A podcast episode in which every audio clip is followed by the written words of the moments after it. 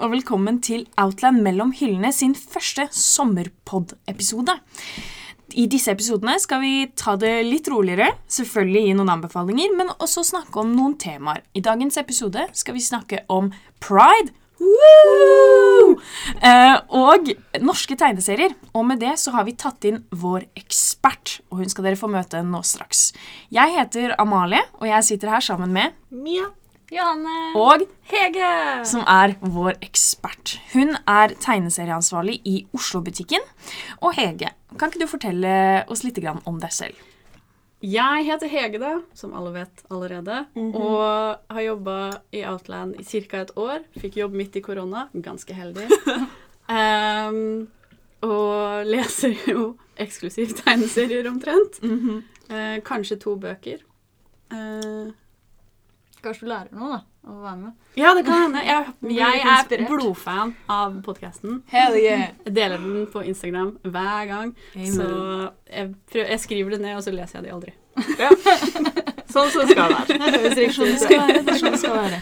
Hvis du er som Hege, så kan du jo alltid gå inn på eh, bloggen til Outland, hvor vi legger ut et innlegg per episode med alle bøkene, tegneseriene og mangaene som vi snakker om, så du kan se tilbake på. Er et lite tips fra meg til deg. Før vi går videre til hoveddelen og hva det er vi skal snakke om i dag, hva er det vi har lest i det siste? Jeg leser sci-fi. Wow! Og young adult. Nei, Gi deg!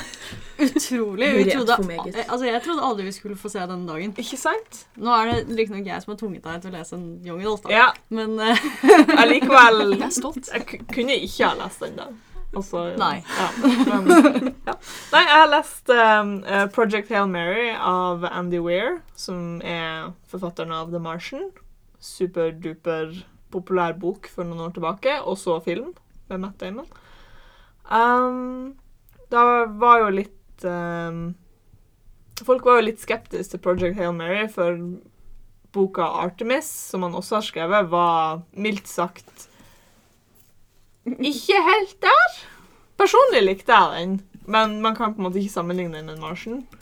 Um, men eh, Project Hail Mary var som en mer space opera-variant av The Martian.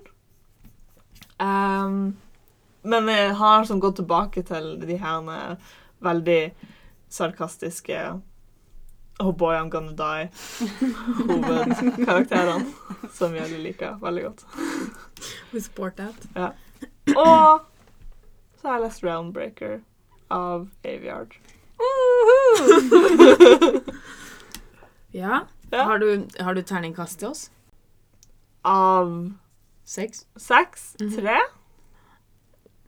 Men her hos Outland har vi veldig mange terninger som ikke har seks sider. Sant. En D20, da. En D20. Ja. Jeg er så fornøyd med at jeg sa det. jeg vet hva en D20 er. På en D20 Ti? ja, midt på treet, basically. Ja, midt på tre. Ja. Sånn, jeg likte den. Det var ikke amazing, men ja, den var helt ok. Er det Aviard vi snakker om nå? Det er Aviard.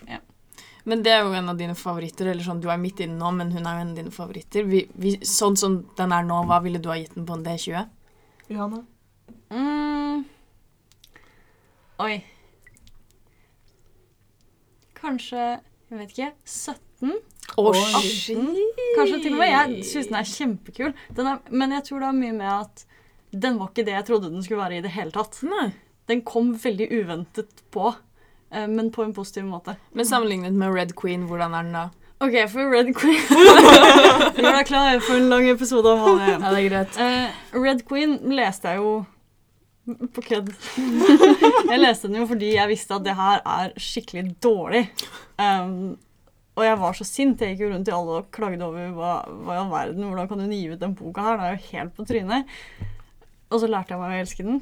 Mm. Men den er jo fortsatt ikke så veldig bra. Så storyen er kul, men det er ikke kvalitetslitteratur. Nei. Men um, Runbreaker føles mer Altså, den føles bare bedre. Den Mm. føles mer ordentlig. Eh, Hun føles som en, en ordentlig forfatter. Det er en ordentlig bok! ja. Oh. Jeg tror at jeg med god samvittighet kunne liksom anbefalt denne boka til noen som vil ha fantasy, og Mm. ikke nødvendigvis noen som vil ha en crave-type bok. Ikke sant? Mm. Jeg har altså, når jeg leste den, så satt jeg hele tiden og tenkte på at jeg kunne lett ha anbefalt den til folk som liker Robin Hobb, som er liksom Ah. superduper klassiker sånn innenfor fantasy. Uh, for den liksom, den føles som en begrepet new adult Mhm. versjon av eh, Robin Hobbs sine bøker. Eh, for at det, det litt sånn samme filen. Litt, sånn, litt mer sånn rolig Ting kommer til å ende Fantasy.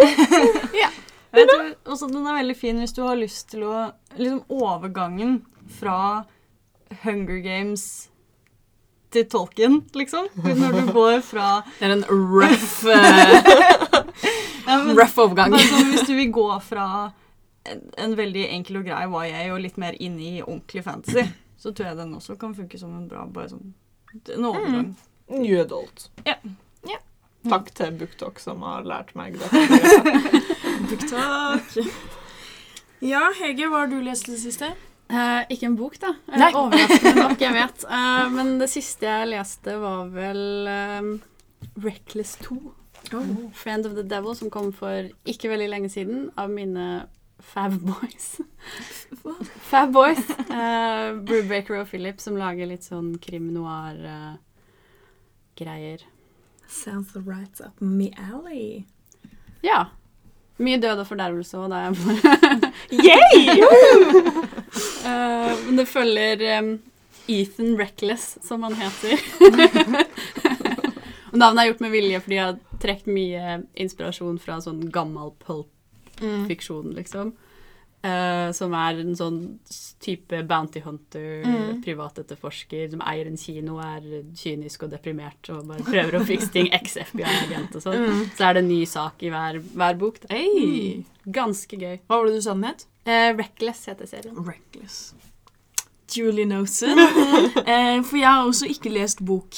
Lest, det siste jeg leste, var en tegneserie som heter Noman Omen, som jeg fikk anbefalt av Mia. Em, hva er den egentlig handler om? Becky het hun. Eh, den handler om Becky som på bursdagen sin får hjertet sitt revet ut av en fyr. Eh, på do. det er det den handler om. eh, og så eh, følger den I hvert fall første volum er henne som em, slår seg til ro med at det finnes eh, en helt annen verden, så godt som parallelt med den verden hun lever i i New York, eh, med eh, osv., osv., i tillegg til at hun vil finne hjertet sitt. Eh, den var sykt spennende. Og det, favorittdelen min var at egentlig så hun Becky hun er eh, fargeblind. Eh, men magi, det ser hun i forskjellige farger. Så den er liksom Det, det er mye bra fargelagte bilder og sånne ting. Men det meste er i sort-hvitt. Men med en gang det er magi, så er det fargelagt. Men det vet man ikke med en gang. Så det er liksom sånn Hvorfor er disse i farger? Hva skjer? Hva er greia? Og så får hun det forklart. Og det var bare mm, was, det, var, det var veldig bra.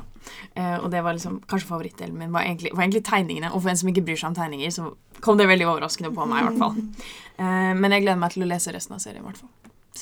Jeg fikk en anbefaling av Mia, Mhm. og jeg fikk en anbefaling av Amalie. Og nå har jeg lest begge to, eller jeg holder på med dem i hvert fall. Damn. Og, og. Alright. Jeg leser fortsatt, nå må jeg jo være på seks bøker på en gang. eller et eller annet sånt. nå. Nå blir jeg aldri ferdig med noen av dem. Mm, jeg leste The Unlikely Escape of Uriah Heap, som Mia sa jeg måtte lese. Uh, det er løgn, jeg hørte den på lydbok. Den var veldig kul. Konseptet veldig kult. Men jeg ville hele tiden at den skulle være ferdig. Det var en veldig oh, merkelig følelse. He, altså Etter fire timer det, Jeg tror, tror den er 14 timer eller noe. Ja. Så da jeg hadde ca. ti timer igjen, da, så var jeg sånn OK, nå må den være ferdig. Nå må de gi seg. Og så fortsatte det sånn. Så var jeg sånn OK, nå, nå er det på tide at de gir seg. Men den var kjempekul. eh, Og konseptet var veldig kult. Den er veldig rolig, da. Det kan hende Det, er det er er ikke så det. mye som Ja. skjer, Ja. egentlig. Men så du anbefaler den? Ja. Ok. eh, Så det var en positiv leseopplevelse, selv om du ville at det skulle bli Ja, det var det, men det var en rar opplevelse. Uh.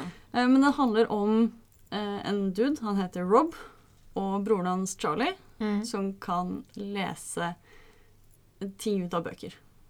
Så han leser Det starter med at han leser Nei, det starter med at han ringer At Charlie ringer broren sin midt på natta og sier du må komme og hjelpe meg, for nå har jeg lest Uriah Heap ut av en bok, og han er slem. Kom og hjelp meg, vær så snill. Og så går du videre derfra, og det er mye uventet som skjer.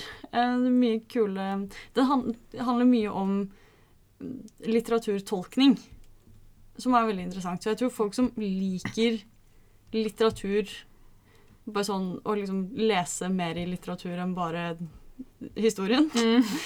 tror jeg hadde likt den veldig godt. Mm. Eh, Jeg har også begynt på Ninth House av Verdugo, som Amalie har sagt jeg må lese. Og alle som har hørt på podkasten før, vet hva jeg føler om Verdugo. Og foreløpig så Jeg liker henne ikke noe mer. Men vi får se, jeg har ikke kommet så langt ennå. Over til hoveddelen.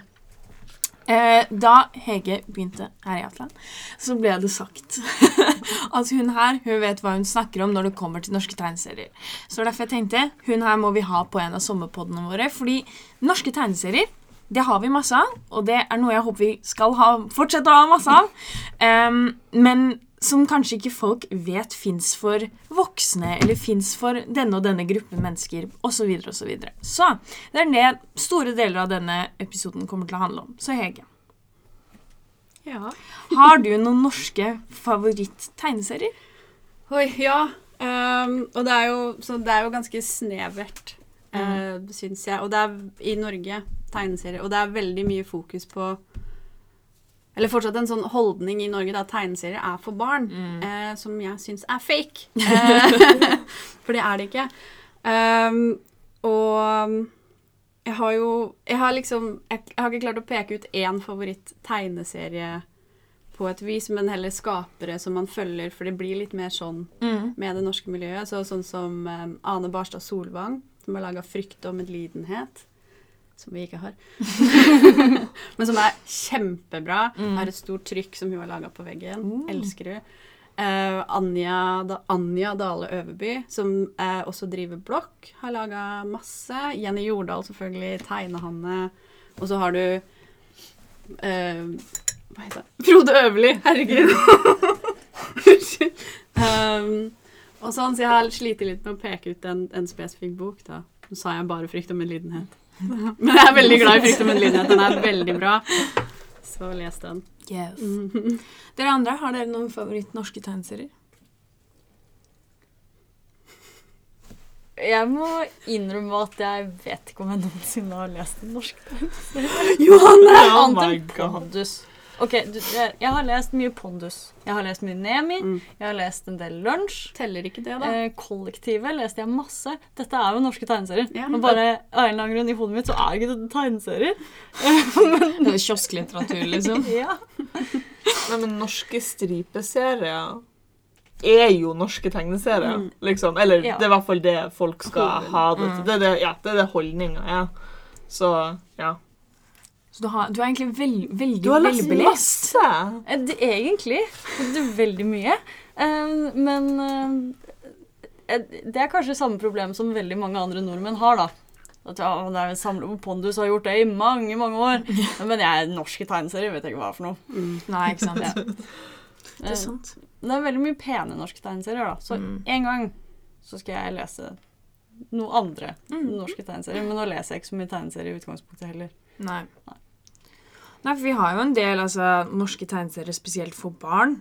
Um, men typ for voksne, da. Hva er det man kan, som vi har her i butikken, hva er det man kan liksom gå etter?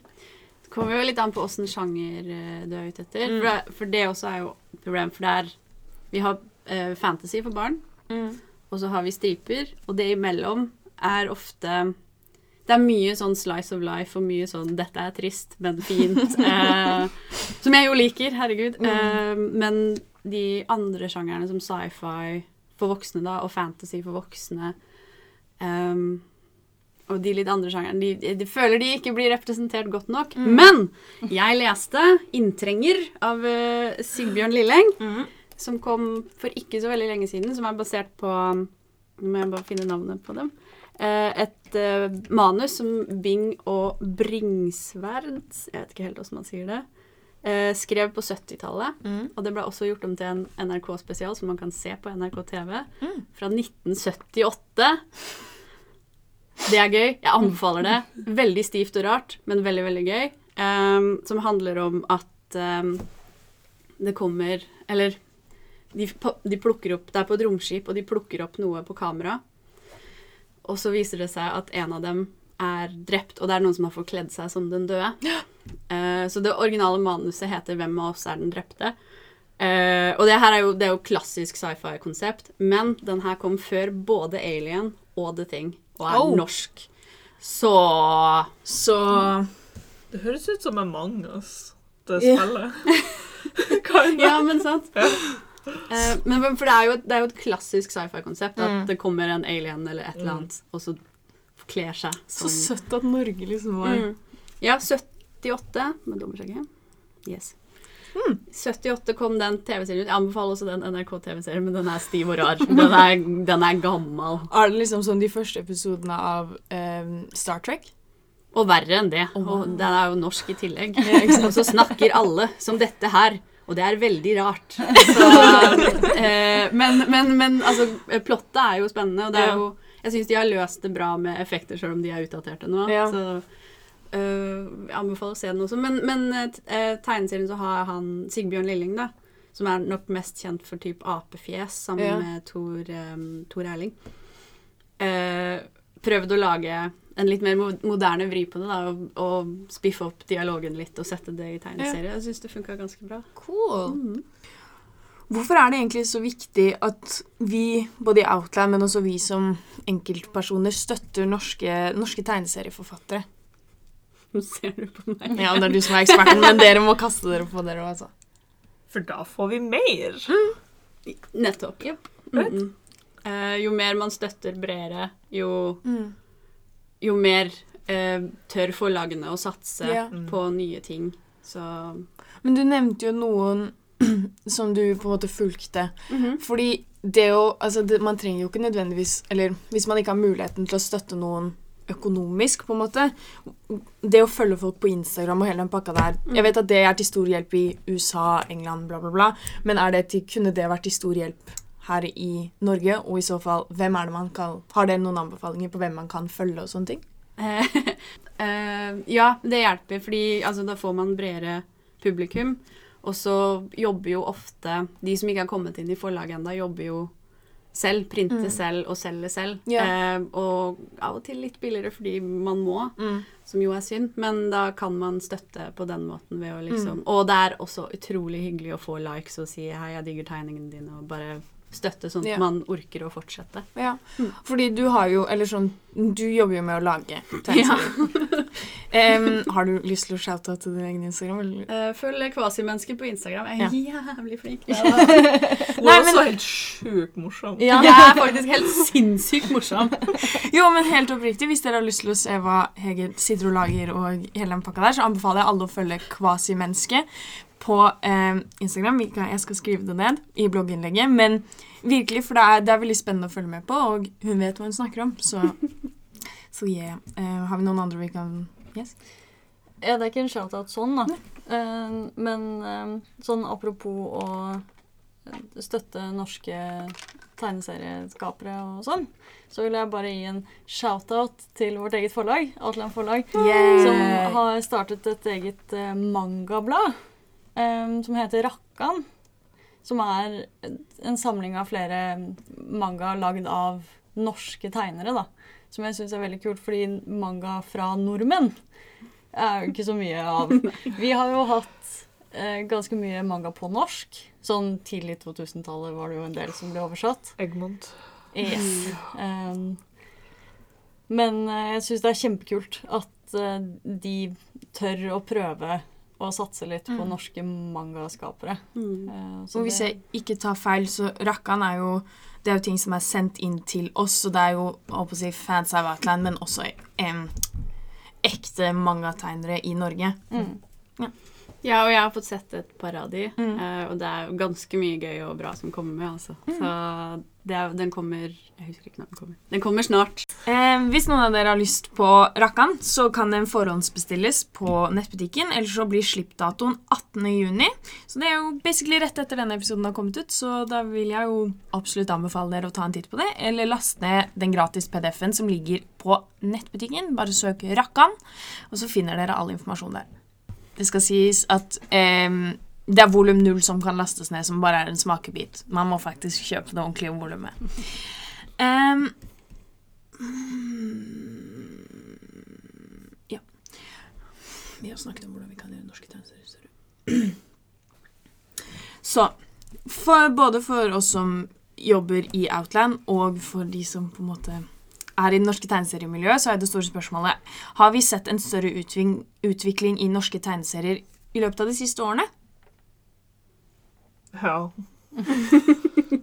Men da kanskje spesifikt for barn. Ja. Veldig mye til barn. Etter Nordlys så ser vi jo at, at Nordic Manga eh, har tatt veldig av. Det er et sånt konsept som Eggmont har kommet med. Eh, og det er jo nå i hvert fall stort sett fantasy for barn fra 9-10 års alder. Det er Nordlys, eh, Ragnarok av um, Odin H et eller annet. Hel Helne?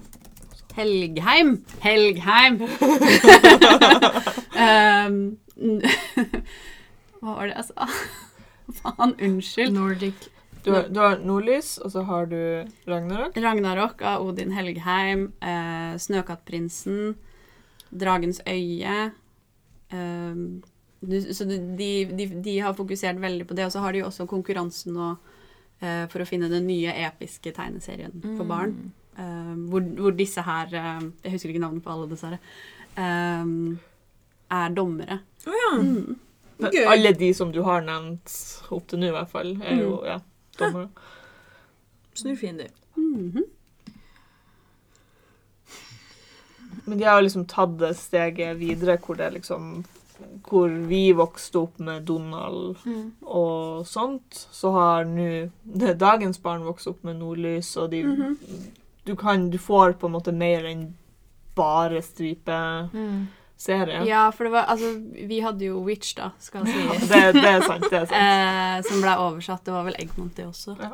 Um, for de har jo veldig fokus på barn. eh, barneserier og sånn. eh, føles det i hvert fall som nå. Eh, og det er jo, er jo veldig fint å ut, utvide leselysten, og så er det jo lov å fordi jeg merker Når folk kommer og spør om anbefalinger til barn i tegneserier, så er det for at de vil at de skal over på bøker. Mm. Eh, og jeg håper jo at noen av de her kidsa forblir nerds og fortsetter å lese tegneserier. Vi er jo også midt i juni, og selv om norske tegneserier Vi elsker jo å snakke om det, men det er også en annen ting vi må snakke om, og det er jo pride. For det er jo nå. Eh, og da eh, er jo Altså, hvis man skal blande de to temaene, da finnes det noen norske mm, LGBTQ pluss tegneserier. Ja. Mia rister på hodet. Det er, veldig, det er, det er veldig lite. Det er det. Det er også en av de tingene vi har snakka litt om før, at det er snevert. Uh, det her eh, Bare snu bena mine. Det norske markedet har ikke tort å ja, be seg ja, og det er, det er litt med fokuset, tror jeg også, og vi, at, at mangfoldet i norske tegneserier er, det er veldig, det er veldig hvitt. Eh, heldigvis ikke så mannsdominert lenger, men har også tradisjonelt sett vært det. Eh, og helt ekstremt hetero, eh, så vidt jeg vet. Men Nora Dåsnes, our savior Our lord and Our lord and savior. Følger du på Instagram. Anbefaler alle å gjøre det. Hun er kjempesøt. Um, har laga. Ti kniver i hjertet. Hvor har jeg skrevet det? Der! Og tre sider med preparation. Ja, jeg må ha notater, så glemmer jeg det. I am impressed. Um, men um, Nora Dåsnes har skrevet 'Ti kniver i hjertet', som handler om um, Tuva. Uh, karakteren heter Tuva, som er um, Jeg husker ikke nøyaktig hvor gammel hun er, men hun er liksom akkurat i det overgangen mellom barn og ungdom. Eh, og blir uh, forelska i ei jente. Uh, men hun liker også Marcus og Martinius, og det er litt det med å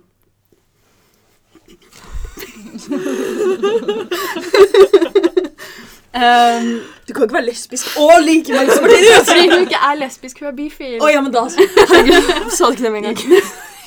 Jeg var på vei dit! And you made a face. Um, uh, så det handler litt om det med å utforske altså, følelsene sine og det med å forelske seg for første gang. Og det er jo veldig spesielt. Den Ja. første forelskelsen, liksom. Um, og der eh, Hun har laga det i en sånn kombinasjon av tegneseriesider og dagboksider som Tuva skriver. Hun har en far som er så støttende, og den er bare erkekoselig, liksom. Kjempesøt. The perfect summer read, høres det ut som. Yes, very.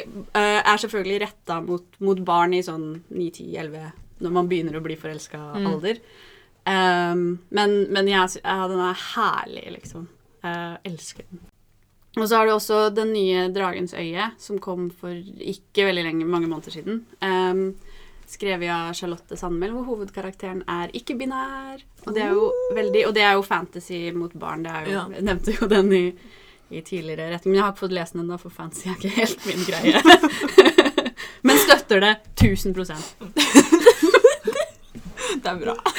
Den er, den er veldig, veldig fin. Den er veldig sånn eh, Sånn high, klassisk high fantasy. um, drager, magi.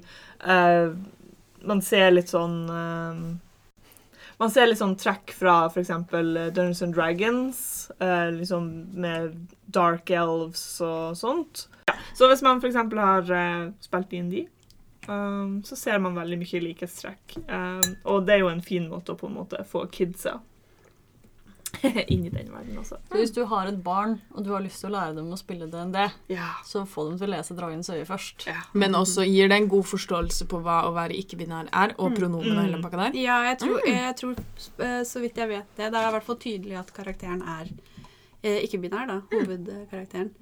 Um, og som en som ikke er ikke-binær selv, så er det jo veldig fint å få lære Mm. mer om det, og hvordan man skal eh, være mest respektfulle. Ja. Mm. For nå har vi jo snakket litt grann om norsk og LGBTQ innenfor tegneserie. La oss gjøre et litt bredere søk. Har vi noen favoritter som med favorittboktegneserie manga, alt vi snakker om her i denne podkasten, men som er som har LGBTQ pluss rep? Og da mener jeg ikke The Quirky Best Friend, som dessverre er det der mange, mye av den representasjonen havner i det jeg leser i, men liksom som er hovedpersonen, som har sin egen historie, hele den pakka der. Har vi noen favoritter? Sånn alt skrevet av Patrick Ness. Ja. Ja. Jeg er veldig glad i Patrick Ness, og han er veldig flink til å ha mm, bare forskjellige hovedpersoner Mm. og god representasjon da, i bøkene sine. Og det føles veldig naturlig. Mm. Jeg syns Nå må jeg si at jeg er ikke den som har lest mest eh, LGBTQ-bøker eller tegneserier og sånn. Men av det jeg har lest, så syns jeg ofte mye av det føles veldig forced. Mm. At det blir litt sånn Det er tvunget på fordi du skal ha med en sånn karakter. Litt overfladisk, Mm. liksom. Ja. Mm. Men i bøkene til Patrick Ness så føles det Jeg syns ofte det føles veldig naturlig. Og sånn, du, du blir ikke slått i fjeset av at hovedpersonen er homofil, liksom. Det er bare, det er bare sånn det er. Og det Ja. De syns jeg er veldig koselig. Alle burde lese Patrick Nesson. ja. Han, han har så sjukt eh, sånn legit karakterer. Sånn det, det, det er den fyren eller den dama eller whatever på gata uh, som du ser hver dag. Det er ikke sånn veldig on the high horse-karakterer. Mm. Typ. Og jeg er ganske sikker på at han, han kan tikke av hver, hver eneste bokstav på den LGBT Ja, Det Ja. vil jeg tro. Kanskje man skulle begynne å lese Patrick Ness, da? Ja, please. Eh, Den nyeste boka hans, eh, 'Burn', blant annet, så er eh, en av hovedkarakterene er eh, homofil. Du har lest den, har du ikke? No. Nei. Jeg har lest halve. Han som er i den kulten. Å ja. Ja, han Men det Oh Oh boy. Eh, han har en veldig kul historie. Altså, den har flere personer, hovedpersoner. Den har vel to eller tre, tror jeg. Men han ene ehm, Han er en del av en kult, og han driver og reiser og skal ut og fullføre en profeti og masse greier. Samtidig som han på en måte finner ut at han er homofil, og hva han føler om det. og ja, Han finner liksom kjærligheten kanskje der han ikke trodde han skulle finne kjærligheten. da, og den, Ja. Det var veldig kult. Så alle burde lese Burn. Tar opp masse bra. veldig Burn er sykt spennende. Ja. Noen andre favoritter? Ja, mange. Jeg bare lurte på hvor jeg skal begynne. um, for jeg har skrevet opp veldig mye Og jeg er ikke egentlig så fan av sånn romansehistorier. Jeg er Mm. bare ikke så opptatt av det, apparently. Uh, som er, det er bare en smakssak. Uh, men uh, Ja, for, for um, OK, la meg. Jeg er ikke så You can do it. I believe in you. Thank you, thank you. Eh, jeg er ikke så opptatt av romanse og sånn. um, og LGBT-tegneserier spesielt, da jeg ikke så, kan ikke så mye om bøker, eh, havner fort i den 'dette er This is romance', Mm. og ferdig med det. Men så er sånn, kan, kan det ikke være en kan det ikke være en lesbisk spion, eller sånn. Eh, men når det er sagt, så en av mine absolutt favoritter Jeg gråt når jeg leste den første gang. Er Laura Dean Keeps Breaking Up With Me. Den Ja. er også oversatt til norsk. um, som handler om Nå husker jeg ikke hva hovedkarakteren heter, for hun er jo ikke Laura Dean. Nei. Men hun er sammen med Laura Dean, eh, og de er 15-16. Og Laura Dean er en skittig kjæreste. Hun er utro og dumper henne hele tida og blir sammen med henne og, og bruk, er veldig sånn manipulativ. Mm. Um, og og det, er så, det er så fint gjort, den derre følelsen av å være litt sånn obsessed med noen. Um, og så i det finne seg sjæl og finne selvverd. Og, og så er det mangfoldig karakter. og det er et så pent tegna, for det er hun Rosemary, eh, Rosemary Valero O'Connell. Så er det skrevet av Mariko Tamaki, som også er en amazing eh, tegneserieforfatter. Eh, så den er, den er skikkelig fin. Anbefaler alle å lese den. Jeg føler at egentlig det meste jeg leser nå, har en sånn representasjon. Uansett. Sånn på hovedkarakterene. Og jeg vet ikke om det er fordi at jeg leser en veldig spesifikk type fantasy, men absolutt alle hovedkarakterene er enten bifil, lesbisk, eh, homofil eh, det, det er nesten alltid ikke heterofile karakterer. Det er blitt mye bedre. Det er blitt veldig mye bra. Eh, sånn eh, The Unbroken Tror jeg den heter. Umbrella Academy? uh, Unbroken, Star Eater um, Bare sånn veldig masse sånn high fantasy med strong, independent women-typ. -hmm. uh, veldig, veldig flink og Ja. uh, vi kan jo også snakke om Umbrella Academy, fordi eh, Um, etter TV-serien så har jo den tatt helt vanvittig av, Uh, og tegneserien er veldig annerledes. Jeg, synes, jeg liker jeg Ride or Die for Gerard Way. Jeg, bare, jeg har skrevet det på nettsida. uh, rehabilitert emo som sitter i hjørnet her. Um, men uh, uh, men tegneserien er veldig annerledes enn serien. Men nå har det kommet en Tales from the Umbrella Academy om Klaus. Nei, det er ikke sant. Det er helt sant. Har du ikke sett det, Amalie? It Um, has to be read. vi fikk jo sånn kjempemange. Um, og den eh, Det som er fint med den, at nå har de inkorporert litt av de tinga som er gjort i, i serien.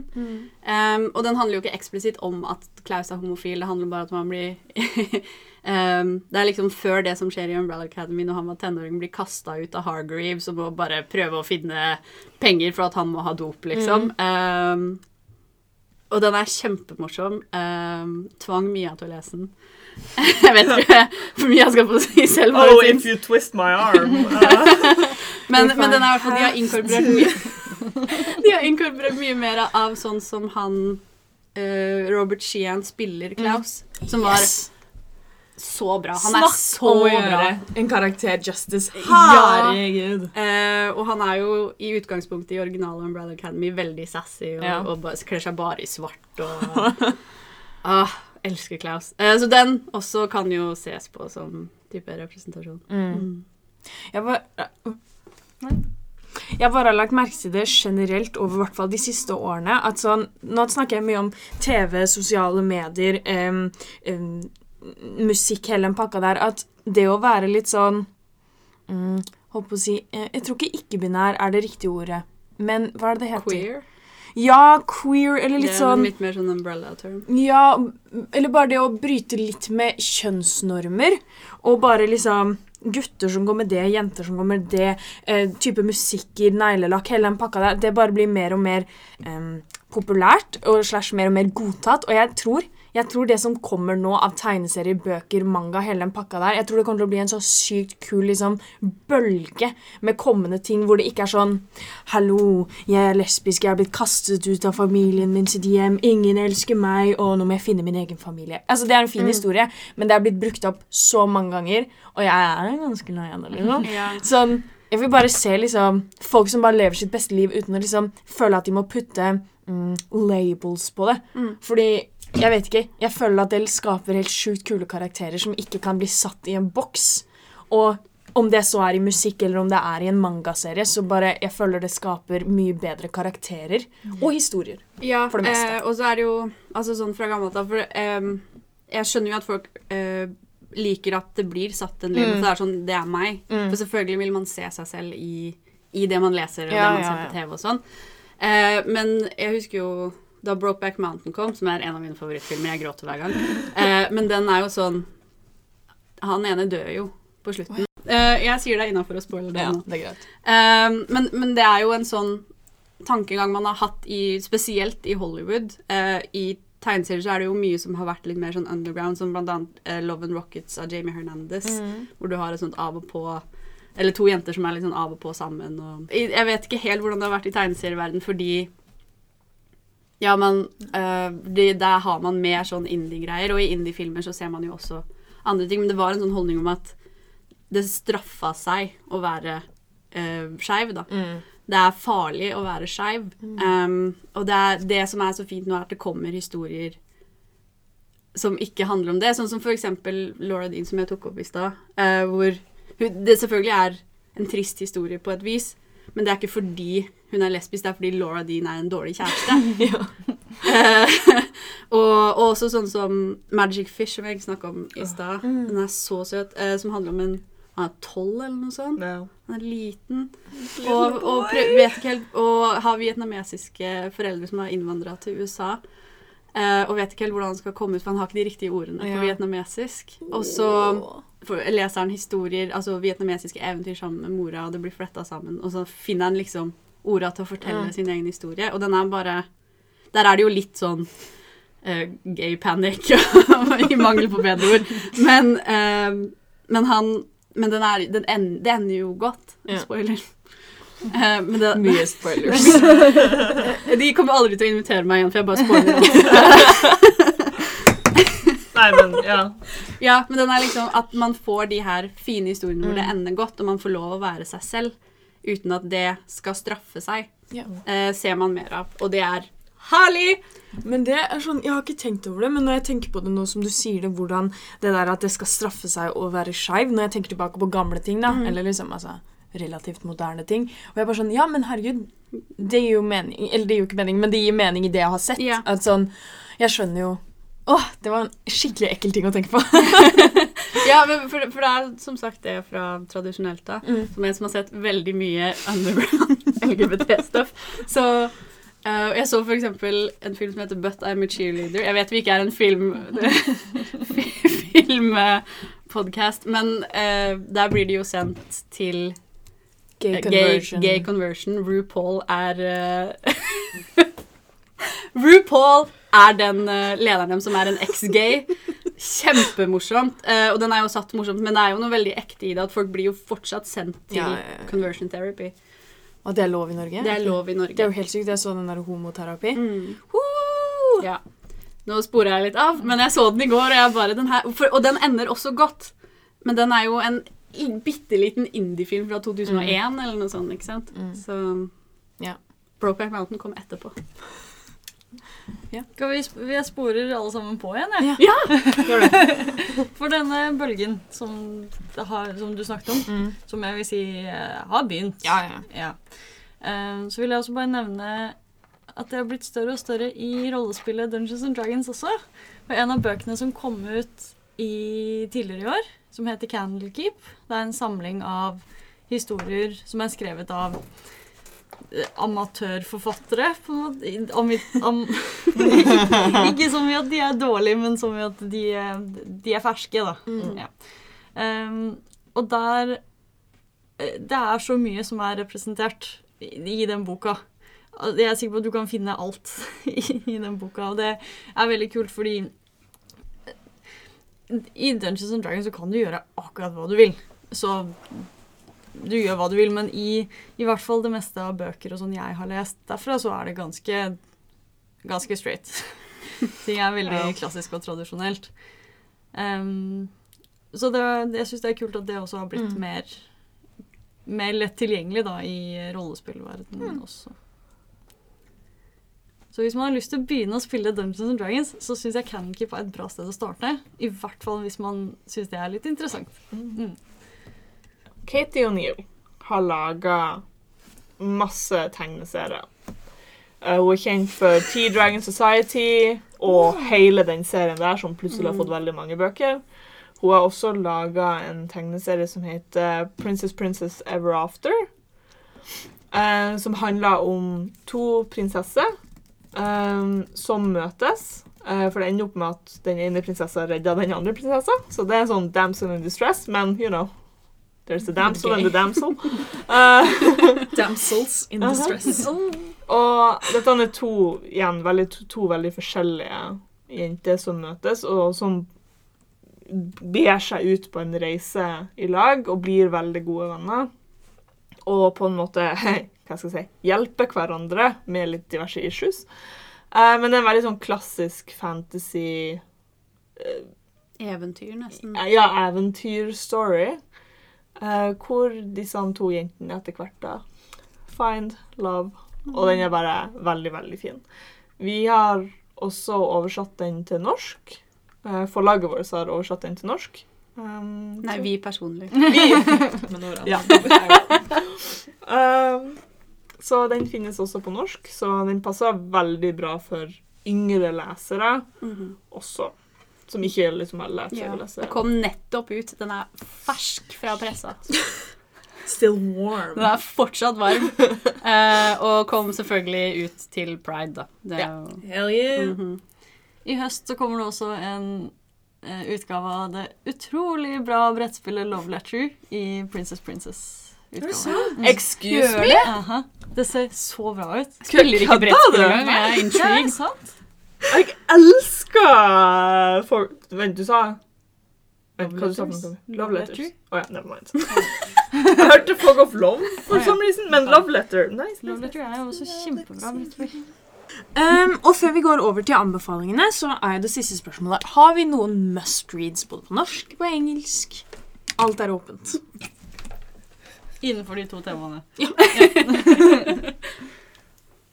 Eh, ja, altså jeg syns jo Ti kniver i hjertet. Det er pride. Kjøp Ti kniver i hjertet. Yes. Den har vunnet alle prisene i hele år og hele fjor. Den er amazing. Eh, og også de andre jeg nevnte. Laura Dean, Magic Fish ehm, Det er Princess, sikkert Princess. flere. Princess Princess, Prinsesse Prinsesse. Moonstruck. Moonstruck! Oh my god! Min sånn all time favorite er jo Watchmaker of Villagy Street. uh, som er sånn eh, Jeg vet ikke hvilken tidsperiode den er satt i. 60-tallet. 70-tallet. 80-tallet. Litt sånn- Ja, litt sånn sane Victorian oh, ja. um, Revolusjon typ. uh, hvor det er en fyr som blir redda fra en eksplosjon av ei klokke som han plutselig bare har funnet i leiligheta si.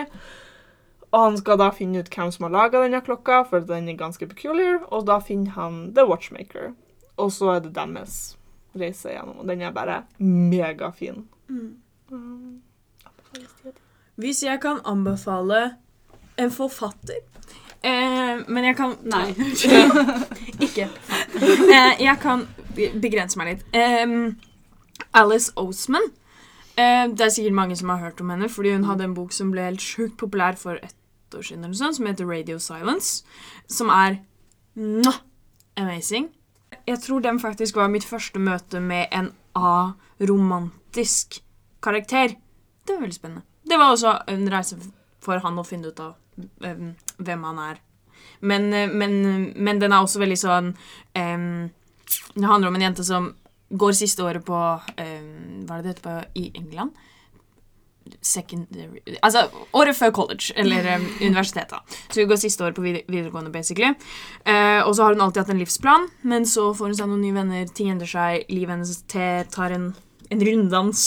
Og hun, hun ender opp med å liksom gjøre veldig fine valg for seg selv, som, er veldig, som var veldig fint å lese. Um, men i tillegg til at den handler om liksom, andre folk som finner seg selv innenfor seksualitet og hvem de er overall. Alice Osman har også en veldig fin annen tegneserieserie som man kanskje har lest gratis på Tumblr, eh, som heter Heartstopper, som vi har de første fire volumene. Nummer fire kom eh, forrige uke. Ja, Som handler om Charlie og Nick. Nick, som jeg i hvert fall Nå har ikke jeg lest alle ennå, men det er sånn, det er veldig uproblematisk romantisk liv, egentlig. Sånn, men den er mer slice of life. Ja, Det Den tar jo opp noe for han ene som Ja. har vært ute lenge, har jo blitt mobba. Ja. og Den tar jo opp noen sånne mental helse-ting, men akkurat romansen sånn- ja. deres er uh, Bare koselig. bare koselig. Så det er så fin sånn summer read. Ja, og han Nå husker jeg ikke hvem av de som er hvem. Nei. Charlie er den yngste. Er det ikke det? Han med det svarte håret? Ja. Ikke fotballduden? Nei. Ok. Eh, Han eh, Nick, da, som mm. er sånn fotballfyr og Mm. populær gutt og stor og muskuløs og Mm. gutt. Til å være 15, da. Men, men eh. Men han, han det veldig, Jeg syns det er veldig fint måten han finner ut sin legning på. Mm. For han er jo Han ender vel opp Det skal jeg ikke spørre. Eh, men, So many spoilers. eh, men at han, han går inn i det veldig åpenhjertig og, og tenker ikke på det som noe stort problem. Um, og det syns jeg er veldig fint. Ja. Den er bare sånn koselig. Mhm. Overall er den bare koselig. Den tar Eh, opp ting, men den ja, er eh, Storfavoritt blant veldig mange Outland-ansatte, har Ja. fått inntrykk av. Omar. er Kommer det også sånn Netflix Ja, jeg gleder meg så fælt! Jeg håper de gjør den justice. Da med det så går vi videre til hoveddelen, og, eller hoveddel del to, som er eh, anbefalingene, fordi dere er kanskje lei av å høre oss tre gi anbefalinger, så derfor har vi brakt inn Hege til å gi mer. Så da begynner vi med ønske nummer én. Hei, mellom hyllene og co. Sist gang jeg leste, så var Divergent og The Fault in Our Stars populært, så ganske lenge siden. Jeg vil gjerne ha noe spennende som, og som har en skikkelig plot-twist og en handling som driver skikkelig. Romantikk er alltid et pluss. Ikke horror, selv om det kan være fristende. Kremt, kremt. Mia. Med vennlig hilsen Victoria. Altså, først og fremst Hva du mener ikke horror? What is this no horror nonsense? Altså, finnes det virkelig en bok som er spennende uten at det er horror? I'm just. Svaret er ja. Nei. Ja, Nei. Nei. Og jeg er også glad i horror, altså. Det finnes mye. Traitor? Sorry. Jeg må vinne publikum. Følger på Instagram. Eh, nei, men sånn for real, altså. Jeg har Jeg har noen. Um, jeg har to bøker som jeg gjerne vil anbefale. Uh, den ene er Traitor Baru Comorant, eh, som er en skikkelig sånn hard fantasy, eh, hvor det er et empire som sakte, men sikkert tar over mer og mer av verden. Eh, Litt sånn nazi-feel. Eh, hvor de liksom De kommer inn, de lover bedre healthcare, um, bedre teknologi, bedre veier. Eh, et bedre liv generelt. Men de kommer også med veldig mye Er det stigma det heter? Hvor de ser, de ser veldig hardt ned på uh, homofili, for eksempel. eh, andre uh, livssyn og sånne type ting. Uh, og da har du hovedpersonen som heter Baru, som har blitt tatt opp i dette Empire, og de har sett henne ut fordi at hun er ganske flink på det hun gjør. Superduper smart. Um, og hun sliter jo litt med det her med at hun kanskje liker jenter. Ergo. Så hun jobber hardt for å på en måte komme, liksom, secure en god stilling, og samtidig liksom ha det privatlivet sitt. Uh, det er ikke horror. Men hvorfor føler jeg at det kommer en menn her? Det er veldig mye politikk. Yeah. Um, ikke, Som jo er være litt skummelt. det, kan, det kan være litt skummelt uh, for noen. Um, just saying. Uh, men så har jeg også Angel of Crows, som er en Sherlock Holmes retelling. Jeg lurer på om jeg har anbefalt den før. Maybe. Jeg Tror du ikke det?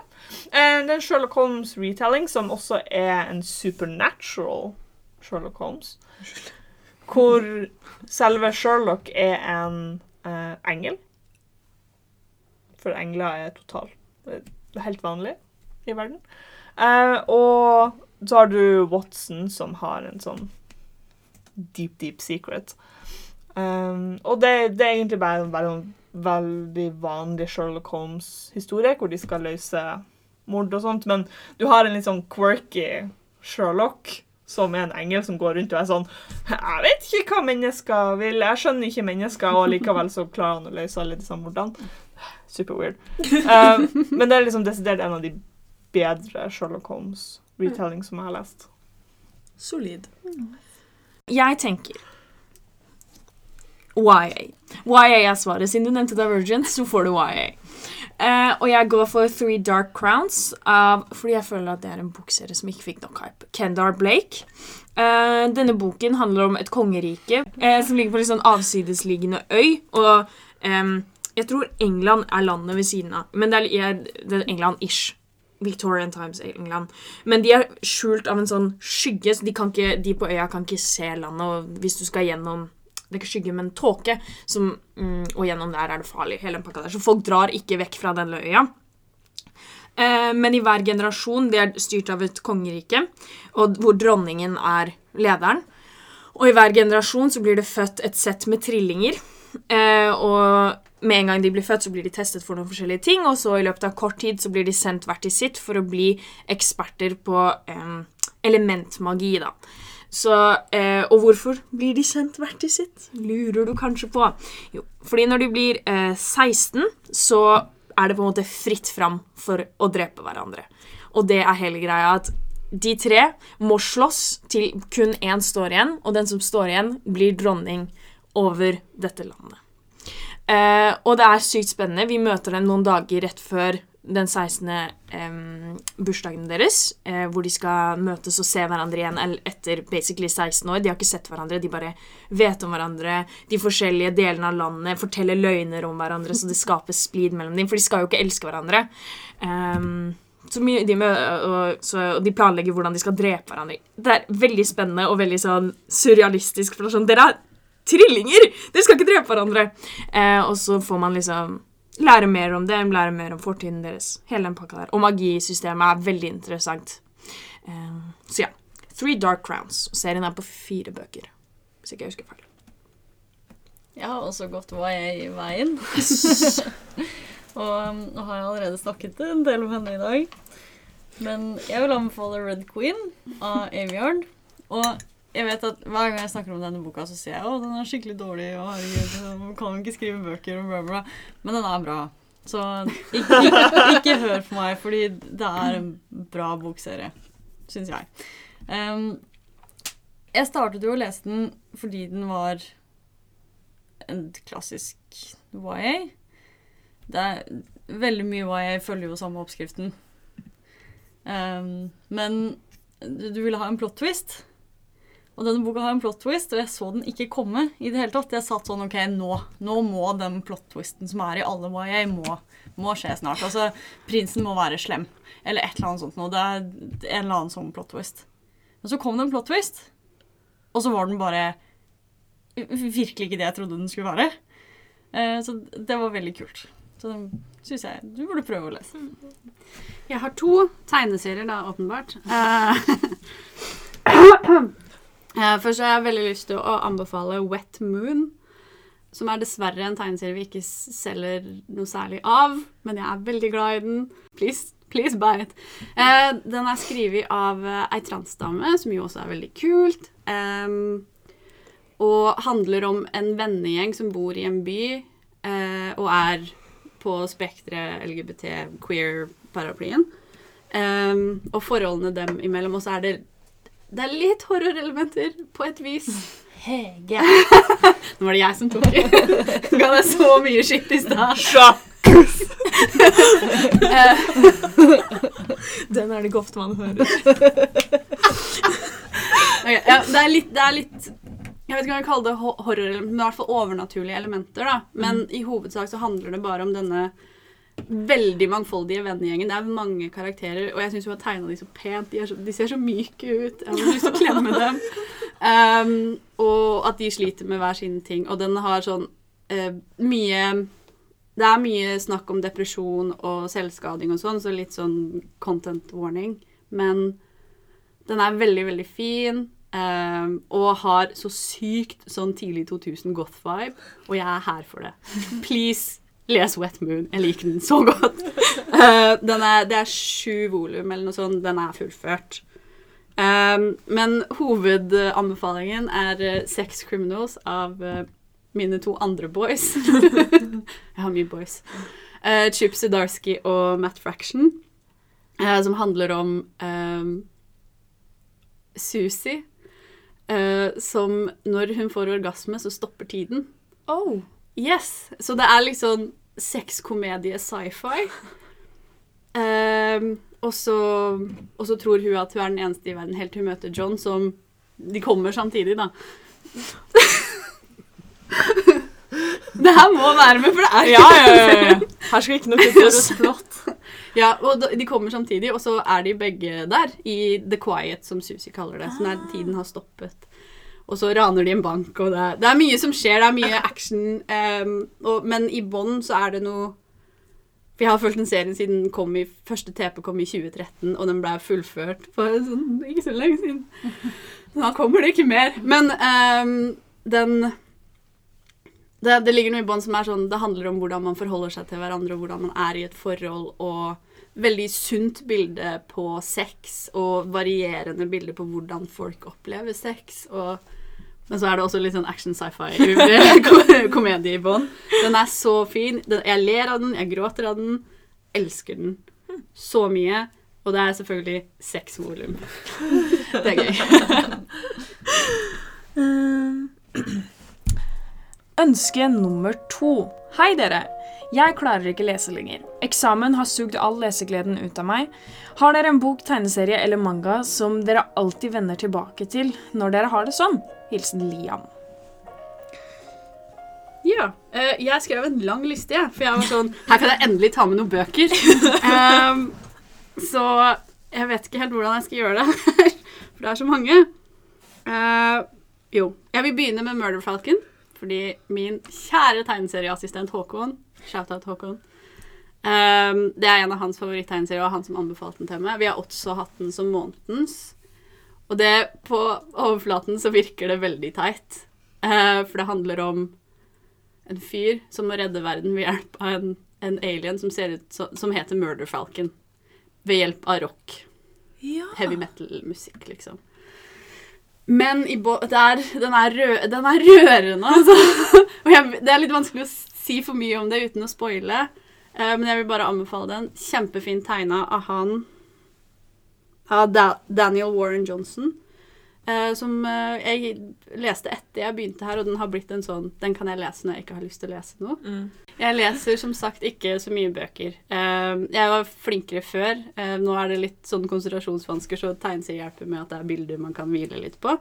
Men en bok jeg alltid vender tilbake til, jeg leser den minst en gang i året, er A Scanner Darkly av, um, av Philip K. Dick, som er cyberpunk-kongen. um, um, og den ble også filmatisert med annet Keanu Reeves og Robert Downey jr. Er 2007, tror jeg. eh, og ikke så mange som så den. Jeg gjorde det mange ganger. uh, men den handler altså om en Han er en sånn undercover-agent uh, som skal infiltrere en, en, um, en dopring, da, på en måte. Så han henger med masse junkies. Eh, og det er vanskelig å si noe der også uten å spoile for mye, men det handler om litt sånn For det er jo ofte det som går igjen i Philip K. Dick sine eh, sine bøker, er eh, veldig sånn paranoia, for han var jo helt sykt paranoid selv, eh, Philip K. Dick.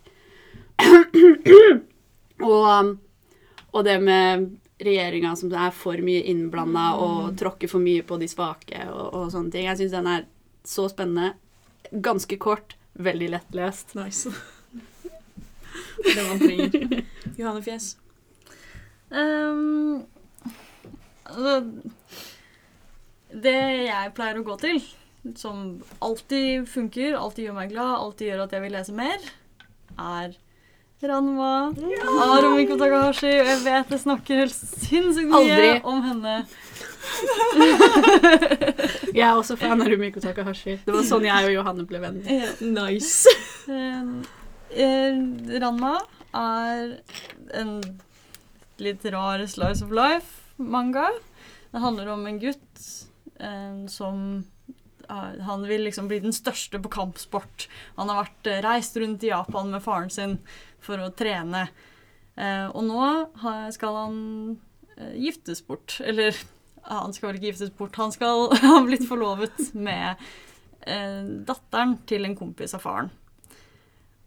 Og så viser det seg at på hans treningstur så har han falt ned i en liten dam. En magisk dam. Som gjør at når han får kaldtvann på seg, så blir han en jente. Og så handler det egentlig bare om hans liv på skolen. De flytter inn hos da kompisen til faren og hans tre døtre. Um, og han må begynne på skole der. og Hans forhold til da sin forlovede, som er så kul jente. Hun er veldig kul og en sånn ordentlig tomboy. Hun også er supersterk. Veldig, veldig sterk.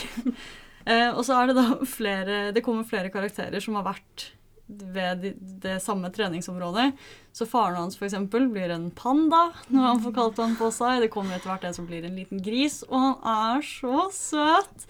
Den lille grisen. Herregud.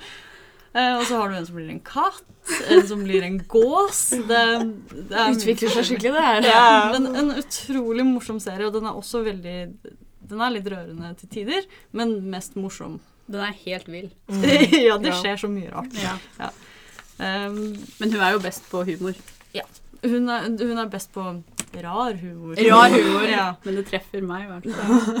Det er et, et sted i Ranma Jeg husker Sist jeg leste den, så måtte jeg sende bilde av dette til Mia. Eh, Det kommer bare sånn midt inni en annen historie, så er det en rute hvor det er en hund som kaster en pinne eller noe. Det er ikke en hund, en hundeeier som kaster en pinne til hunden sin og sier 'løp og hent den'. Og så løper hunden og henter den, og så tar hunden tak i pinnen, ser på eieren sin, kaster den og sier 'løp og hent den'. og så går vi tilbake til historien. Det er, bare, det er, det er mye sånne rare innspill. Random. Ja. For meg så er det Hunger Games og Harry Potter som jeg alltid liksom vender tilbake til. Men også i senere tid så har jeg funnet Saga, som er en tegneserie. Som er litt sånn Romeo og Julie, in space, action Veldig mye mer actionfylt enn Shakespeare sin eh, versjon. Um, det er en krig. En ordentlig krig. Um, uh, in space. De rareste karakterene. Det er bare sånn, Jeg føler ikke fantasien satte noen stopper her. Eller realiteten satte ingen stopper her. Her er det var fantasi all over town med sånn masse farger og ja. Den er fortalt gjennom datteren Eller fortalt av datteren til de to som historien handler om. Så hun forteller deres kjærlighetshistorie. Uh, og de kommer vel tilbake fra pause snart, de forfatterne, så da De har sagt at de skal komme tilbake i år, så Jeg bare tror ikke på det. Nei. ikke heller. Vi må ha mer! Så ja. Hei. Ja. Nei, når jeg, når jeg sitter sånn Jeg vet ikke hvilken bok jeg skal lese, så hopper jeg alltid tilbake på Send Linn og Sens av eh, Bankhoft, som er en sånn det, Første boka er veldig chill, samtidig som den er liksom stappa med panikk. Um, for du følger Senlin, som har mista kona si, utafor The Tower of Babel, som nå er en sånn turistattraksjon. Det er liksom det største tårnet, det når langt opp i himmelen. Det er huben for kultur, språk Alle Sånn som Senlin, da, som er lærer, det er liksom hans favorittplass. Eller han trodde det kom til å bli hans favorittplass. Um, så han for på um, bryllups, bryllupsreise med Maria, som er kona, uh, og klarer å miste henne etter sånn to timer. Um, så han må da klatre tårnet før han tenker at ah, hun er ikke utafor tårnet, da går vi opp tårnet. Og viser til at tårnet er ikke som han trodde. Det hadde mye mer farer og ting. Annet snask. Ja. Um, dette, jeg tror jeg har nevnt denne boka før, men uansett. Uh, det har den beste karakterutviklinga ever. Um, så hvis man er interessert i det, Mm. send en sett. Jeg har også en tegneserie som er um, Det heter Superfun Sexy Time. uh, og det er en veldig sånn uh, sex-positiv tegneserie. Uh, hvor det er flere små historier om spesifikt superhelter, eller villains, for det er det som er temaet i boka. Og det er bare sånn De bare get together hvis de er to random folk som bare møtes. OK, sure, let's get together. Hvis de er et folk i et forhold, eller uh, bitter enemies. Just gonna get together. Eh, ja, basically. Love it. Uh, og den er veldig Den er veldig koselig, veldig chill. Så du, du, du føler at du legger ikke noe effort i å lese den. Så hvis man bare vil ha noe Bare noe å gjøre. Superfun sexy tips. Nice. Yes. Da går vi videre til ønske nummer tre. Hola! Starter en mail sånn, som blir lest sånn. Hola! Jeg trenger en ferie, men pga. Aldri, et aldri så lite virus kan jeg ikke det. Så jeg ber dere fine damer om å finne en bok som er som en ferie. Som er beskrevet så bra at jeg føler at jeg er der. Helst på en øy med krystallblått vann, lange strender. Eh, og den trenger ikke å ha noe action eller high stakes. Tar heller mer romantikk. Håper dere kan hjelpe. God sommer. Hilsen Siv. Først og fremst så så ikke jeg at hun bare skulle ha ei bok. Nei, ikke jeg heller. Det er åpent for tolkning. Jeg valgte å ignorere at hun skulle ha en bok. Et aktivt valg. Ja, OK. Um, jeg har det er to manga. uh, den ene har jeg ikke lest, men jeg har en kompis som elsker den. Og den heter Grand Blue Dreaming. Uh, som handler om en dude som flytter til vestkysten i Japan. Uh, og det er onkelen hans eller noe sånt driver en surfebutikk. Og da blir han kjent med surfeklubben som holder til der, da. Så er det mye, mye strand. Den ser veldig veldig koselig ut. Eh, det er visstnok Jeg vet ikke om den egentlig er så koselig. For han finner ut av denne surfeklubben er det mye festing og sånne ting. Eh, men det er jo koselig for noen, da. Jeg har mye pupper, er det også. Det er også koselig for noen. for noen. Men den er i hvert fall Den har en veldig bra sånn sommervibe, da. Jeg blir veldig glad og får lyst til å dra på stranda bare av å se på den. Så eh, Eller så er det igjen Jeg beklager, Umiko Takahashi. Eh, Urusei Atsura. Um, jeg har snakket om den flere ganger før også, men det handler om en alien i tigerbikini som kommer til jorda og forelsker seg i en dude. Urusei Atsura er en rar slice of life. uh, som egentlig bare handler om livet til denne gutten og alien-dama som er forelsket i han. Eh, men de er overraskende mye på ferie. De er veldig mye på stranda. Den serien er laget sånn at ett og ett kapittel er, er en liten historie. Så De henger litt sammen, men de henger ikke egentlig så mye sammen. Eh, Så de drar gjerne på stranda har gjerne med masse Alltid vannmelon. Alltid masse vannmelon. Og så løper de rundt og bader og finner monstre som vil drikke te med dem under vann. Og ja. Men den, veldig mange av kapitlene der i hvert fall har en veldig bra sånn ferie-vibe. Ok, Den her syns jeg var vanskelig. Uh, fordi jeg sa vel tidligere at jeg leser ikke så mye romance, jeg. Og jeg drar ikke på ferie, jeg. Så nei da. Eh, men jeg har ikke funnet en bok, for jeg leser ikke. Men jeg har funnet to tegneserier. Uh, så jeg vil begynne med Sun Sunstone av S- Jeg vet ikke som man uttaler det navnet. Stefan Stepan. Stepan Sejic. Sorry hvis det var helt gærent. Jeg tror ikke han hører på, så det går nok bra. Nei, det er sant. Du får en sint mail nå. Excuse me! uh, som handler om um, ja, to jenter da, som finner hverandre over nettet, og mye sex fra meg i dag. Uh, men uh, som er begge interessert i BDSM. Litt av en ferie. Ja, men det, fordi det er problemet. Det er ikke noe ferie i den. De, de bor i byen. Det er litt sånn slice of life. og Det er de som finner ut av det forholdet seg imellom. Men som sagt, et sunt forhold, et sunt blikk på sex hvor de setter grenser og blir enige om ting og snakker om ting på forhånd og etterpå. Og er veldig søt. Um, og så blir de jo litt forelska i hverandre, så det er jo litt sånn romance også. Um, men den jeg mest da, er On the Sunbeam av Tilly Walden. Um, og Tilly Walden er en av mine favoritt-tegneserieskapere. Uh, så det her er unge lesbians in space. Oh. Yeah. Uh, og det er, litt, det er litt action og litt high stakes her.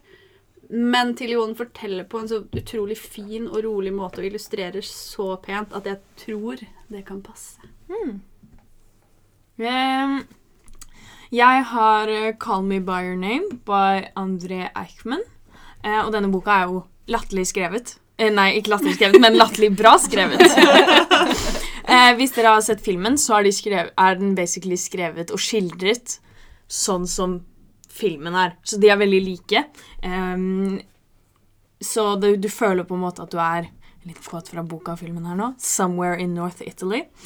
Eh, boken handler om Elio, som i løpet av sommeren blir forelsket og har et forhold med uh, Oliver, som er studenten til faren til Elio. Han er på sånn eh, eh, Han kommer til huset deres i Italia, eh, er amerikansk, hele den pakka der.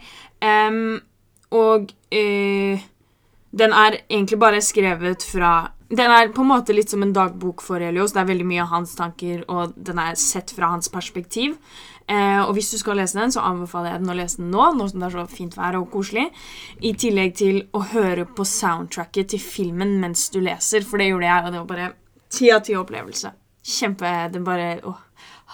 Det er en så fin bok. Jeg har ikke lest Find Me ennå, men eh, som er oppfølgeren. Men, eh, men den er kjempefin. Hjerteskjærende. Den er sånn summer romance sånn, som man alltid drømmer om eller har opplevd selv. Som bare skjærer deg i hjertet, men som, hvor du blir varm i hjertet også samtidig.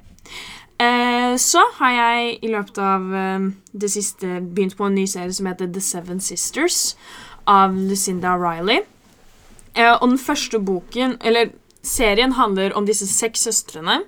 Litt motsigende det der, at det er seks søstre med boken etter Syv søstre. Kanskje en del av mysteriet. Eh, handler om seks adopterte søstre som bor sammen med faren sin på en litt sånn avsidesliggende øy. Eh, han har et svært hus der, og de har levd veldig fint. Eh, men så dør han. Men han er litt sånn som og Den minner meg på noen måter på noen måter, litt som uh, om Umbrella Academy. Fordi det er alle disse forskjellige barna som bor sammen med denne veldig rike mannen, og så dør mannen helt i starten. Men i motsetning til Hargreaves mannen, så, så har han her Han har lagt igjen Han har skrevet et brev. Han visste han skulle dø. Eh, han har lagt igjen et brev til hvert av barna hvor det står et hint om hvor det er de er fra, og så kan de videre undersøke. Fordi Han ville ikke liksom gi dem all informasjon med en gang i tilfelle de ikke var interessert. ikke sant? Så den første boka følges Maya, som er den eh, eldste søsteren. Eh, og forteller om forholdet med faren, som har vært helt fantastisk, men også om eh, hvor hun eh, er fra biologisk. Det tar henne til dette landet. Dette landet har kjekke menn, lang, lange strender, krystallblått vann, familiedrama, romantikk. The works. Um, og hvis du er sånn som meg, som er veldig glad i fortid, um, så er denne boken Ja, jeg, jeg, så sånn historie i selve plottet, endte er sikkert fint, det, men sånn en god bakhistorie That's the stuff. Så denne boka var veldig fin, og veldig sånn Den er ganske lang, så det er en god sånn sommer, sommerbok. Oh boy. Er Sitter du på skrevet med sånn? Um, jeg har ingen bøker Og det er greit. Ja, som er sånn. Um, men jeg bare anbefaler noe fordi oh my, jeg bare finner noe å anbefale. Um, jeg har en tegneserie. Vi har snakka om Katie O'Neill. Jeg tar fram en annen tegneserie hun har laga, som heter Aquicorn Cove.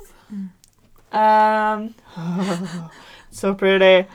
Um, Det er et brettspill også basert på den. Jeg linker det i by the blogginnlegget. by. Um, og som handler om ei lita jente som drar til oh, Jeg husker ikke hvor, men det er i hvert fall rett ved havet sammen med mora si. I believe. Um, hvor hun på en måte blir gjort obs på det her med um, pollution i havet. Og at det går ut over alle disse fantastiske vesenene sånn som bor i havet. Blant annet aquacorns, som er enhjørninger i vannet. Og du har også um, mermaids, merpeople og sånt. Og så er det en liten kjærlighetshistorie gjemt inni der. It's really pretty. Um, så den er veldig fin. Vi har også Og dette er litt uh, løst um, um, Løst tolka uh, av spørsmålet. Men jeg hørte strand og vann, og så tenkte jeg ja, ja, kan vi ikke bare dra til underverden, og så har du jo denne liksom The River of Styx og sånt. Det er vann. Det er sikkert ei strand der nede også.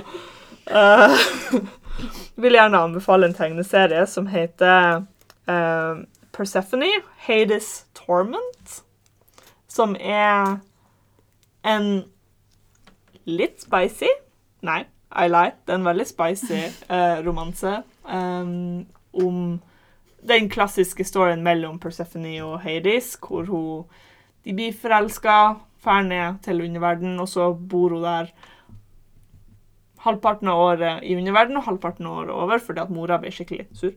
Um, men dette er litt mer sånn Det fokuserer på hvordan de fell in love, uh, og litt sånn Hvor vanskelig Persephone hadde det, for mora hennes var veldig controlling. Um, hun, hadde, hun var omringa av andre guder som også var controlling, og skulle liksom beskytte henne fordi at hun er weak. Um, så den er, den er veldig, veldig fin. Du, du på en måte reiser inn i en annen verden når du leser den. Derfor anbefaler den nå. Uh, den er ikke kommet ennå. Den er funnet som webtoon eh, for lenge siden. Um, men den kommer som tegneserie i november. Den er laga av Alison Shaw, som har laga litt sånn diverse Greek mythology. Og med det så er vår første pod sommerpod ferdig. Um, husk å trykke abonner, sånn at du får med deg neste gang vi publiserer en episode. Det er jo sommerferie, så det kommer ikke til å bli like hyppig som, um, som tidligere.